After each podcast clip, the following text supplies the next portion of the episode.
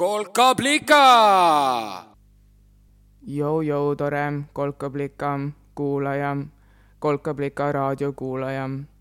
minu nimi on Liina, kutsun endki kolkablikaks ja olen täna siin, et tuua sullegi ehk tulu ehk taipamist. hakkad kuulama jälle Liina saadet, kus äh, räägin kõigest, mis tundub tähtis ja, või huvitav üldiselt sellest, äh, kuidas maailm näib toimivat ja kuidas ise selles toimivas maailmas hakkama saan või saada üritan. endiselt on tunne, et peab ütlema üritan, ma olen ilmselt seal kuskil vahepeal. nagu saan juba hakkama, aga üritada on ka tore ilmselt tegelikult. täna tahan rääkida natuke päevakajalist juttu ja tahan rääkida natuke koodimisest ja kõige lõpus tahan jagada ühte eluhäkki, kuidas, äh, mida rakendades äh, saaks ehk rohkem toredust iga päeva programmeerida. aga enne, enne, kuidas läheb, kuidas sul läheb? eile oli isadepäev, head isadepäeva kõigile. täna on viieteistkümnes november, esmaspäev novembrikuu on täpselt poole peal, käes on kõige-kõige pimedam aeg üldse. kuidas hakkama saad me panime jõulutuled üles eile. ma loodan, et mu äh, koodimisjutt või et hakkan koodimisest rääkima ära ei ehmatanud või hirmu nahka ei toonud ei ole hirmus, äh, luban, ma ei räägi midagi väga rasket, räägin täpselt ilmselt sellest, mida ma natuke rohkem tean kui sina ehk, või kui tuleb välja, et sa juba oled mingi koodipro, siis on sul võib-olla lihtsalt tore kuulata, kuidas äh, või mida ähm, lollimad asjast arvavad äh, saab, ma arvan, tore olema. aga enne muidugi, enne natuke päevakajalist juttu mind ennast hirmutaks ilmselt päevakajaline jutt veits rohkem. ma olen viimasel ajal lõpetanud uudiste lugemise, ma olen siiski suht hästi kursis, sest ma endiselt scroll in Instagrami ja kuulan, mida teised tuttavad mulle räägivad. aga ma nagu tunnen üha rohkem niisugust nagu isu mitte enam kaasa mõelda või mul nagu jõuab järsku kohale, et ma ei ole ise poliitik. ehk ma ei pea nagu iga pisiasja teadma, mida nemad peavad teadma.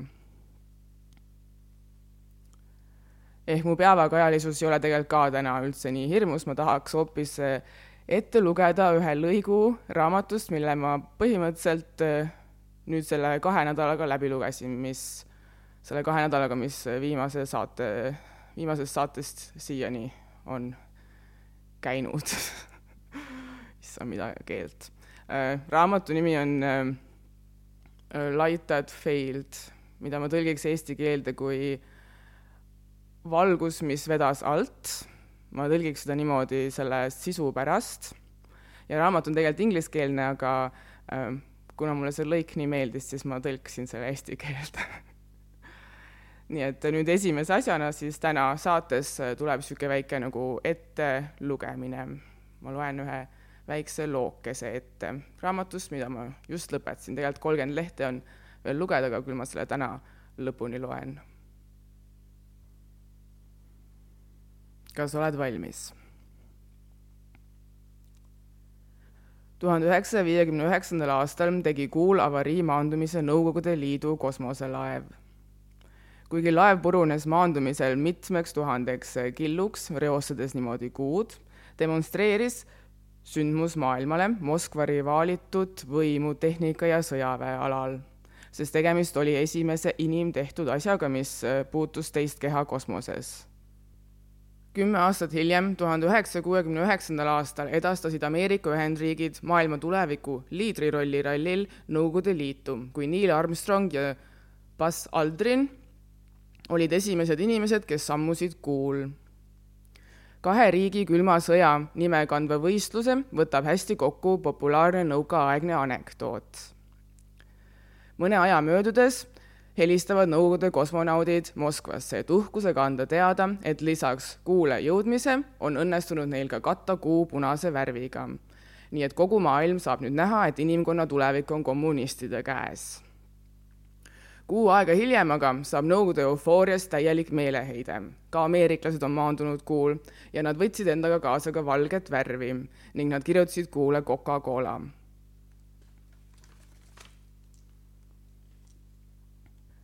hüppame aga ajas edasi teise jaanuari kaks tuhat üheksateist. Hiina kosmoselaev Chang'e maandus sel kuupäeval õnnestunult kuu pimedal poolel, mida nii kutsutakse, sest esimest korda said inimesed kuu tahaküljele pilgu heita alles tuhande üheksasaja viiekümnendatel lõpus, kui Nõukogude Liidu kosmosesond sest pilti tegi. et sellise enneolematu kosmose uurimise saavutusega sai hakkama riik, kes külmas sõjas ei võistelnudki, toob kaasa olulisi geopoliitilisi tagajärgi hiinlased näitavad, et kauge tulevik on nende käes ning ei ole see ei utoopiliselt punane ega kanna see globaalselt turundatud karastusjoogi brändi nime. Hiina tähelend maailma suurjõuks on muutnud Ameerika ja Nõukogude Liidu rivaalitsemise iidseks ajalooks. sellega on ka lõppenud imiteerimise ajastu, mis hakkas tuhande üheksasaja kaheksakümne üheksandal aastal ja lõppes umbes nii kaks tuhat kaheksa kuni kaks tuhat kuusteist vahel sel erilisel ajaloolisel epohhil on kaks kindlat tunnusjoont. esiteks, külm sõda kahe ideoloogiakuulutaja vahel oli kindlalt läbi, lõppenud. ja teiseks, lääne väärtustele ja elukorralduste mudelitele jätkus nõudlust veel rohkem kui varem ja veel pikka aega. maailm oli küll siiski taas jaotunud, ent seekord jaotunud suht stabiilsete ja jõukate liberaaldemokraatlike riikide ehk lääne ja neid jäljendada tahtvate muude riikide vahel. ka see murettekitavalt asümmeetriline jäljendavate ja jäljendajate vaheline suhe on leidnud oma lõpu. jõudude hulgast, mis ajastule lõpu tõid, on kõige tähtsam pahameel, mida selline asümmeetria loomulikult loob, kes ikka tahab nagu olla nii-öelda käsitud veits mida see oli Liina kommentaar.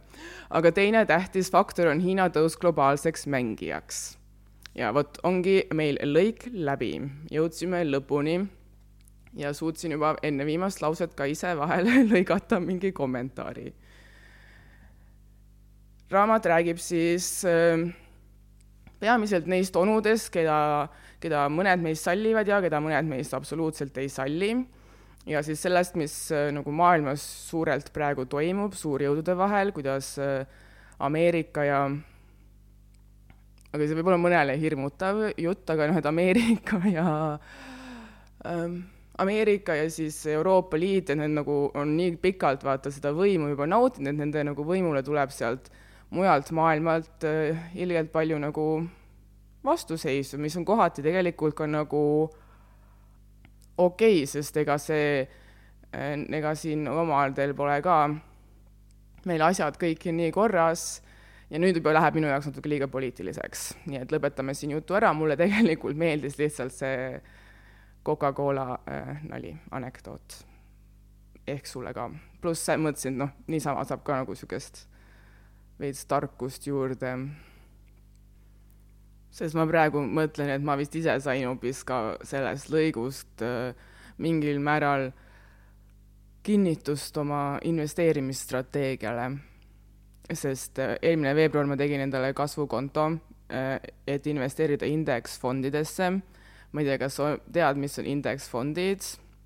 Need on põhimõtteliselt niisugused äh, turul kaubeldavad ma ei tea, osakud siis, mis jälgivad turgu üldiselt, ehk sa saad nagu võtta aktsiaturust osa, nii et sul on nagu riskid suht maandatud, sest noh, muidu aktsiaturul käib asi vaata nii, et sa investeerid ühte kindlasse firmasse ja siis sa nagu, su investeering sõltub sellest, kui nagu tore või mitte see boss seal on või kui hea tiim on või mis tööd nad teevad või mis on nende ideed, no see sõltub väga sellest konkreetsest firmast, siis äh, indeksfondidega sa saad põhimõtteliselt siis äh, noh, võtta näiteks, et kõik need äh, tehnoloogiafirmad kokku umbes, et panustan sellesse tehnoloogia äris, noh, tehnoloogiasektorisse, et see nagu paned sinna oma raha, nemad investeerivad sinu eest kõikidesse nendesse erinevatesse firmadesse, nii et kui üks kukub kokku, siis see sind nii palju ei mõjuta, sest teised ilmselt teevad hästi, sest ühe kukkumine ei tähenda, et umbes terve sektor kukub kokku.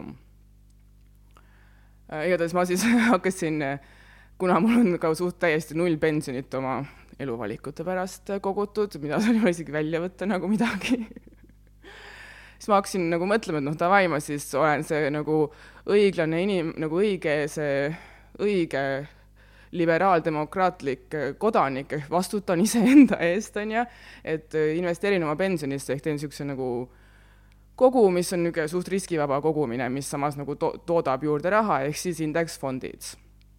Ja siis noh, idee oli see, et pensionile ma ei plaani veel vähemalt mingi kolmkümmend aastat jääda, on ju, et nii kaua ei katsu ka, et mis siis on see nagu kuhu ma nagu oma selle beti teen, et noh, millistesse fondidesse ma investeerin, sest samal ajal ka see äh, Eesti parim rahainfluencer Kristi Saare ütles, et kui sa kasvukontoga teed, siis sul ei ole mõtet nagu mingeid rohkem kui kolme fondi võtta, sest äh, neid müüma hakates pank võtab, võtab igalt müügilt kasu ja kui sul on neid rohkem kui kolm, siis sul on nagu ka rohkem kasu võtmisvõimalusi vahelt.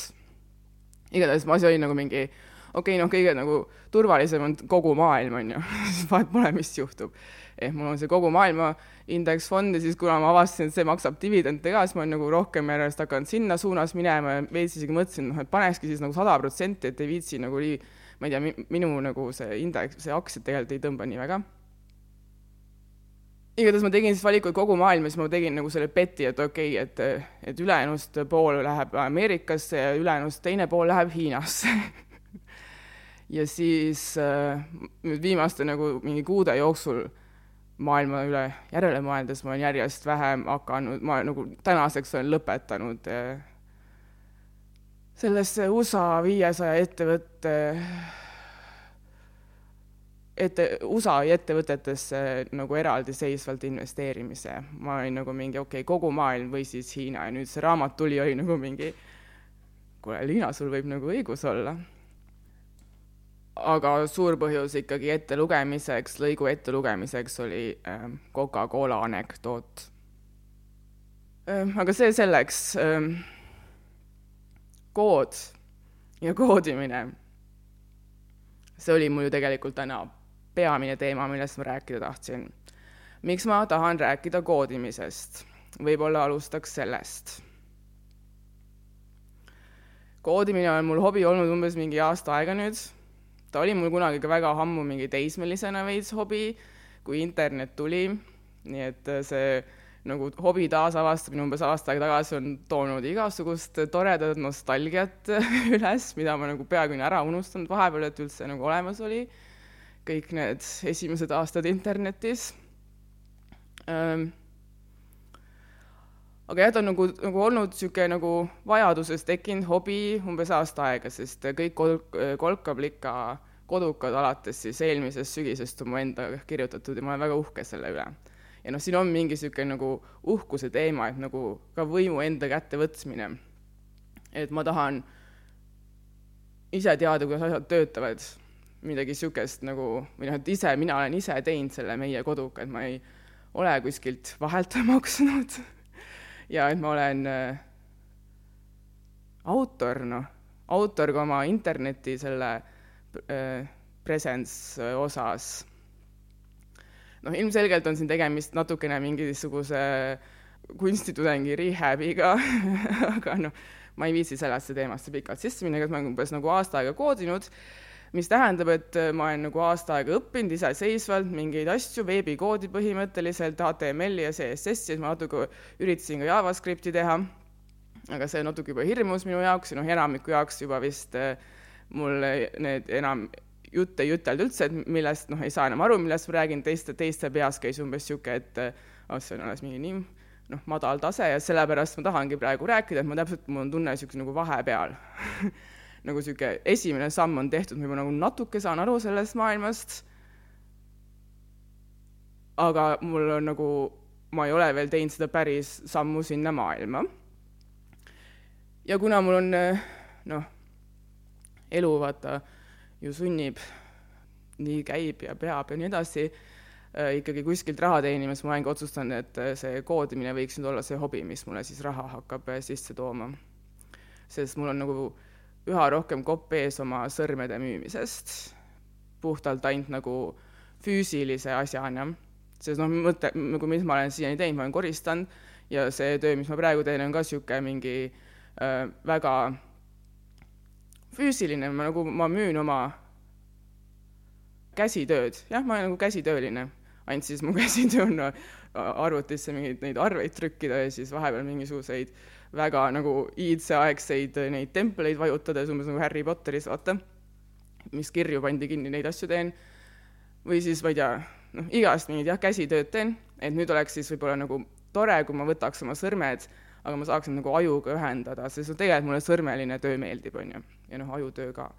Igatahes ma olen jah otsustanud teha koodimisest oma hobi, mis tähendab, et mul on äh, kohe, kohe ma olen nüüd otsustanud minna kursusele ja hakata rohkem õppima, mis tähendab siis seda, et ilmselt mul väga palju muutub äh, mõtlemine koodimisest või kirjut-, koodi kirjutamisest äh, varsti. ehk oleks tore võib-olla niisuguseid vahemõtteid või esimesi mõtteid ka nii-öelda salvestada, et mis ma siis mõtlesin, enne kui ma kõik ümber mõtlesin umbes niimoodi. tähistada nagu üleminekut, nagu aktus, vaata, suvel koolis midagi niisugust vist. sünnipäevad on näiteks niisugune rütm, seal me tähistame mingi asja üleminekut. aga tagasi koodi juurde, kuidas sul on üldse koodiga lood? kas hirmutas enne see? või kas sa üldse mõtled, et kood on ainult nagu mingi arvuti asjandus? ma olen praegu nagu väga suure töö teinud siin jutu nagu alustusena, rääkides üksnes kodulehtedest, jättes, et ma olen teinud suure töö jätta sulle muljet, et see on üksnes nagu äh, arvuti teema, on ju, ja noh, programmid ja mingid, okei okay,, külmu, külmkapid on ka kooditud tänapäeval, on ju, aga tegelikult, mis siis on kood?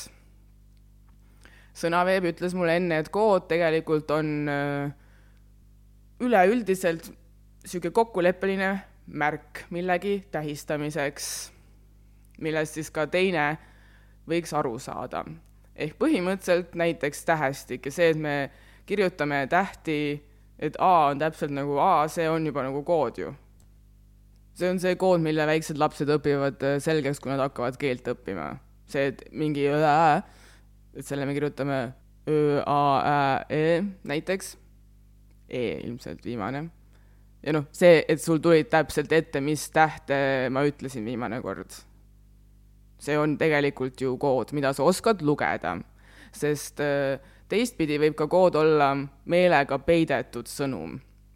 et kui ühtepidi on kood või koodi eesmärk just nagu koristada infot ja struktureerida infot ja luua selgust, noh, et meil on kokku lepitud ühesugused tähed, sest muidu me ei saaks omavahel ka kirjutada näiteks või suunakoodid, see, et äh, Eestil on pluss kolm, seitse, kaks ja Austrial on pluss neli, kolm. ma ei tea, kuidas need telefonid endiselt töötavad, üritan siin alles internetist aru saada, kuigi tegelikult te telefonist peaks vist enne aru saama, sest telefon on vanem leiutis. kõigest ei ole ka mõtet aru saada. vaja tähendab, mõtet on kindlasti, vaja ei ole igatahes, kui ühtepidi on koodi eesmärk nagu luua selgust ja struktuuri ja teha elu nagu selles mõttes lihtsamaks, siis teistpidi on koodi eesmärk võib-olla mingit sõnumit hoopis peita, on ju, või varjata, näiteks PIN-kood või mingi turvakood või nendel rattalukkudel on vaata need koodid. No ID-kaardi koodid, see on noh, seal on nagu see annab sellist ligipääsu, aga see on väga niisugune kodeeritult peidetud asi, et ainult sina üksi saaksid ligi, ehk see nagu, ehk see on nagu lisaks siis mingile struktuuri ja nagu äh, selguse loomisele ka miski, mille abil saab äh, infot kaitsta, ehk näiteks kui sa vaatad triipkoodi, siis noh, triipkood on ilmselgelt ka tehtud äh, mingi logistika haldamiseks, on ju, aga noh, mulle kui inimesele, kellel ei ole ligipääsu sellele süsteemile, kus see triipkood on sisse löödud, see ei, nagu ei ütle suht midagi, ma lihtsalt näen seal mingid numbrid ja triibud, on ju. sest äh, tegelikult siis on ju veel kolmas kood ja see kolmas kood on siis see, millele ma siin täna olen üritanud viidata. ja kui ma nüüd siinsamas äh, vaimus üritaks iseseisvalt ise oma mõtetega kokku võtta, et mis siis see kolmas kood on või programmeerimine tähtsamalt siis öeldes, ma endiselt ütlen kood, sest ma endiselt kirjutan üksnes koodi. ja ma ei tea, võib-olla see läheb nüüd nagu äh, liiga nagu sügavaks või täpseks, aga värk siin on see, et äh, kui sa hakkad nagu veebilehti tegema, siis see on see koodimine, mida ma hetkel õpin siis. kui sa hakkad veebilehti tegema, siis kõige lihtsam on ära õppida HTML ja CSS, millest esimene on põhimõtteliselt nagu äh, niisugused nagu veebiklotsid. ma lubasin, et ma ei räägi ehitamise nagu metafooridest enam, aga ma annan alla, sest ühes kohas ma oskan natuke ehitada. nii et kui sa kujutad ette, et sa oled näiteks Simsis, on ju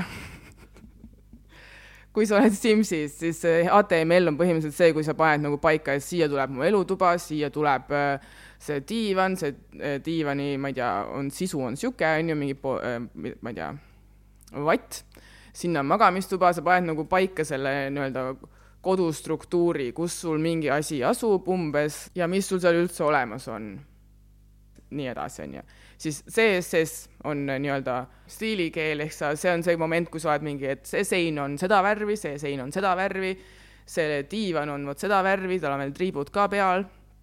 Äh, need on nagu need kaks levelit, aga nad ei ole kumbki veel programmeerimiskeeled.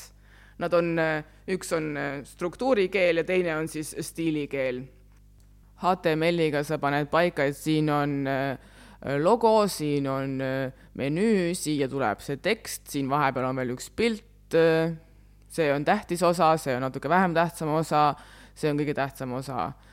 CSS-iga siis nagu paned ta veel särama, selle info, mida sa HTML-iga oled juba nagu sisse pannud. aga need ei ole iseenesest veel programmid, sest nad on nagu staatilised. mul on tunne, et nagu programm on miski, mis nagu liigutab asju. ta paneb asjad liikuma. põhimõtteliselt Simsi näite puhul programm paneb äh, minu plaanitud ukse lahti käima ja inimesi sinna sisse laskma ja siis tekitab neid tulekahjusid ja püksi pissimisi Simsi elu, teate küll jah kuhu ma muidu jäin oma koodiga, mis on see kolmas kood peale siis, äh, mis on see kolmas kood, mis mul seletamata jäi ja mis vast on kõige populaarsem äh, tähendus viimasel ajal, kui me räägime koodimisest. kolmas kood oma sõnadega muidugi on siis see suhtlusviis arvutitega ehk suhtlusviis masinatega, meie suhtlusviis masinatega ja ühtlasi ka see asi, mida masinad kasutavad, et nad saaksid öö, oma tööd teha. arvutavad masinad. see on vist tähtis hetkel veel täpsustada, kuigi üha rohkem räägitakse sellest Internet of Things'ist ehk siis asjade internetist ehk olukorrast, kus su nii tolmuimeja kui su äh, külmkapp kasutavad internetti ja suhtlevad omavahel. ehk põhimõtteliselt ma olen siis nagu hetkel välja mõelnud. Ma olen hetkel välja mõelnud, et äh, kood või koodi kirjutamine on põhimõtteliselt äh, käskude andmine ja see on nagu päris võima-, võim-, võimukas positsioon. Nagu ma tunnen, mul on võimu, sest äh, ma saan anda käsku arvutile, et ta teeks täp-, midagi täpselt nii, nagu mina tahan, ehk hea koodikirjutaja on ilmselt hea käsuandja ja see on mulle hästi huvitav teema sest äh, ma samal ajal praegu ehitan vaata üles MTÜ-d, on ju, kus on tegemist siis äh, teiste inimestega. aga väga ruttu tulevad ikkagi nagu mingid juhi ja mingid manageerimise asjad nagu äh, mängu, et noh, et kes on ikka natuke rohkem boss või kellel on lõpuks see õigus või kes teeb mida või kus, kes teeb mida, ehk see on nagu noh, veits sarnane käsu andmise kunst, see nagu MTÜ ehitus ja juhat-, juhatamine, nagu on siis ka koodimine, mul on nagu huvitav seal mõelda, et kuidas olla hea boss ja kuidas anda hästi käske, et kas äkki koodi kirjutamine annaks seal nagu mingeid nippe juurde. noh, mis on hea käsk, ta on selge ilmselt, on ju. väga palju, kui sa vaatad mingeid koodimise Youtube videosid, siis seal nagu kirjuta nagu mingid head nagu puhast koodi, et ära nagu mine umbes liiga üle nurkade ja või ümber nurkade ja mine nagu noh, tee otse ja selgelt, on ju mis on ka nagu lahe tegelikult, sest algus, kui sa ju alles õpid koodi, sa võib-olla ei tea isegi, mis on see nagu shortcut, kuidas nagu oleks otse minna, sa lähed nagu ümber nurga ainult sellepärast, et sa ei oska otse minna. see on näiteks olukord ilmselt, kus oleks lahe, kui oleks õpetaja, kes käsib uh, uurida veel võimalusi, kui, kuidas minna seda ühte teed mööda hästi. annab selgelt teada, et uh, siin on veel variante. Ehk mis ma ütlesin, hea käsu, ma arvan, tunnus on mingit sorti selgus. mis veel? mis veel on hea käsutunnus? teine asi, mida koodi kirjutamise puhul või noh, et kuidas kirjutada head koodi puhul hästi tihti mainitakse, on see, et sa pead oma koodi kommenteerima, sa pead oma äh, kirjutama koodi juurde kom-, nagu kommentaarid, on ju. mis on ka nii ilus tegelikult mõelda nagu niisugusest juhi äh, perspektiivist siis või, või ma ei tea, lihtsalt suhtlemises ka, et kuidas sa suhtled teistega, et et nagu seleta ära, miks sa mingeid asju oled niimoodi käskinud teha, et see on nagu palju lihtsam teisel sinna sisse tulla ja võib-olla üle võtta seda käskimist. vot. see on mu esimene niisugune koodi mõte praegu, et äh, koodi kirjutamine on niisugune süsteemi ja käsu, käsu andmiskunst. Ainult siis selle vahega, et erinevalt äh, inimorganisatsioonidest, nagu on MTÜ-d või siis ma ei tea, firmad või ilmselt koolid või töökohad, noh, kõik asjad on ju, eh, vastas on sul arvuti, kellele tõesti meeldibki lihtsalt, kui sa annad talle nagu üks või kaks ja ta nagu protestib vastu sulle ainult siis, kui sa oled ise midagi valesti teinud. seni, kuni sina oled kõik õigesti teinud, eh, teeb tema sinuga väga hea meelega koostööd. ei jonni arusaamatutel põhjustel. vahel muidugi tundub, et on arusaamatu põhjus, aga see üldiselt tähendab seda, et pole iseenda viga kuskilt üles leidnud. samuti meeldib arvutile konkreetsus ja otsekohesus ja see on ka väga tore. tore. jah. teine asi, mis äh, mul on kuidagi nagu südame kohe lihtsalt soojaks teinud ma kohati tunnen end nii lollina, aga ma tunnen, et sellepärast ma pean selle välja rääkima. üks asi, mis mul on teinud äh, südame nii soojaks just HTML-iga kokku puutudes nüüd, on see, et see on nagu esimene kord üle nii pika aja, kus ma saan teha midagi visuaalset, nii et ma saan mõeldagi inimestele, kes ei näe. ja täpsemalt teen miskit visuaalset, millel on sisu, mis ei sõltu visuaalsuses sada protsenti, mingil määral küll, aga mitte sada protsenti. mis minu jaoks tegelikult vist on väga lähedal sellele, mida mina enda jaoks olen defineerinud kui kunsti tegemist. seal on, kunsti tegemisel on alati nagu mitmeid leveleid, sul on üks level see, kus sa, mida sa näed, ja teine level on see taustateema, selles mõttes nagu kunst on ka väga palju tõesti nagu kood, lihtsalt võib-olla seal on nagu vähem publikut ja huvi seda lugeda, sest kõik on nii visuaalne. see ongi täiesti šokeeriv selle puhul ka, et äh, ma, see on see koht, kus ma tunnen ennast lollina. enne koodi kirjutamist ja enne seda, kui mulle öeldi, et HTML-il sa pead panema pildi tag'ile juurde seletuse, sest muidu äh, pime inimene ei saa sinu kenast kodulehest aru, on ju, või mis seal pildi peal on selle ajani ma ei olnud isegi nagu tähele pannud, et kuidas nad üldse saavad hakkama selles maailmas või mõelnud selle peale, kuidas nad internetti kasutavad, sest nagu kõik on ju ekraan, ma olen ise olnud nii pimestatud sellest oma silma suuruse avast, kui palju on mul järsku nagu asju vaadata, et nagu unustasin täiesti ära selle, et et minu loomulikkus ei võigi või ei pruugigi olla nagu kõigi teiste loomulikkus. nii et see on olnud nii ilus, mulle nii meeldib äh, neid igast huvitavaid, ma ei äh,, pildi allkirju ja muid asju rakendada, mida äh, ma koodimise puhul näen, et mis on nagu kasuks just sellele, et äh, internet oleks ligipääsetav ka neile, kellel silmi võib-olla nõnda häid ei ole kui minul. ja ma olen veel muidu see ju, kellel on õigus siin vinguda, et mul pole hea silmanägemine. see on nagu ilus ja lahe. ja üks asi, mida ma ei taha vist ära unustada muidu, kui huvitab, siis äh, neil on äh, pimedatel inimestel või äh, vaegnägijatel, kes eriti hästi ei näe, sest noh, ekraan on tegelikult ka väga hirmus asi, mida vaadata. ta on ju nagu tuli, millelt sa loed. Ehk isegi kui sul on normaalne nägemine, siis on ka sul raskem tegelikult ekraanilt vaadata, mistõttu nad ütlevad, et pane seda oranži valgust peale või osta need sinise valguse prillid ja kaitse oma silmi, kui sa kogu aeg arvuti taga töötad, sest need lähevad vaata hullemaks, sest see on äh, eba nagu loomulik asi niimoodi meil kogu aeg nagu tulle vahtida, on ju. siis mida pimedad teevad, on see, et neil on programm, mille nimi on vist Screen Reader mis siis loebki seda koodi, mida siis koodikirjutaja, veebiarendaja kirjutab, kus on ilusti nagu pandud, noh, sisu on seal koodis olemas, pluss seal on piltidele seletused juures, siis see äh, hakkabki otsast pihta, et see on äh,, kood ütleb ära, et see on pealkiri, siis see loeb seda nagu pealkirja, siis ta loeb sisu, siis ta seletab pildid ära, ehk põhimõtteliselt ma olen aru saanud, noh, loogiline ka, et äh, vaegnägijatele ja pimedatele on internet äh, kuuldav kuuldav kogemus, kuulatav, mida ta on meile ka muidugi, Spotify ja värki. aga sellega ma lõpetangi oma koodilood ja ma lubasin, mul on veel ühe asjana siia lõppu.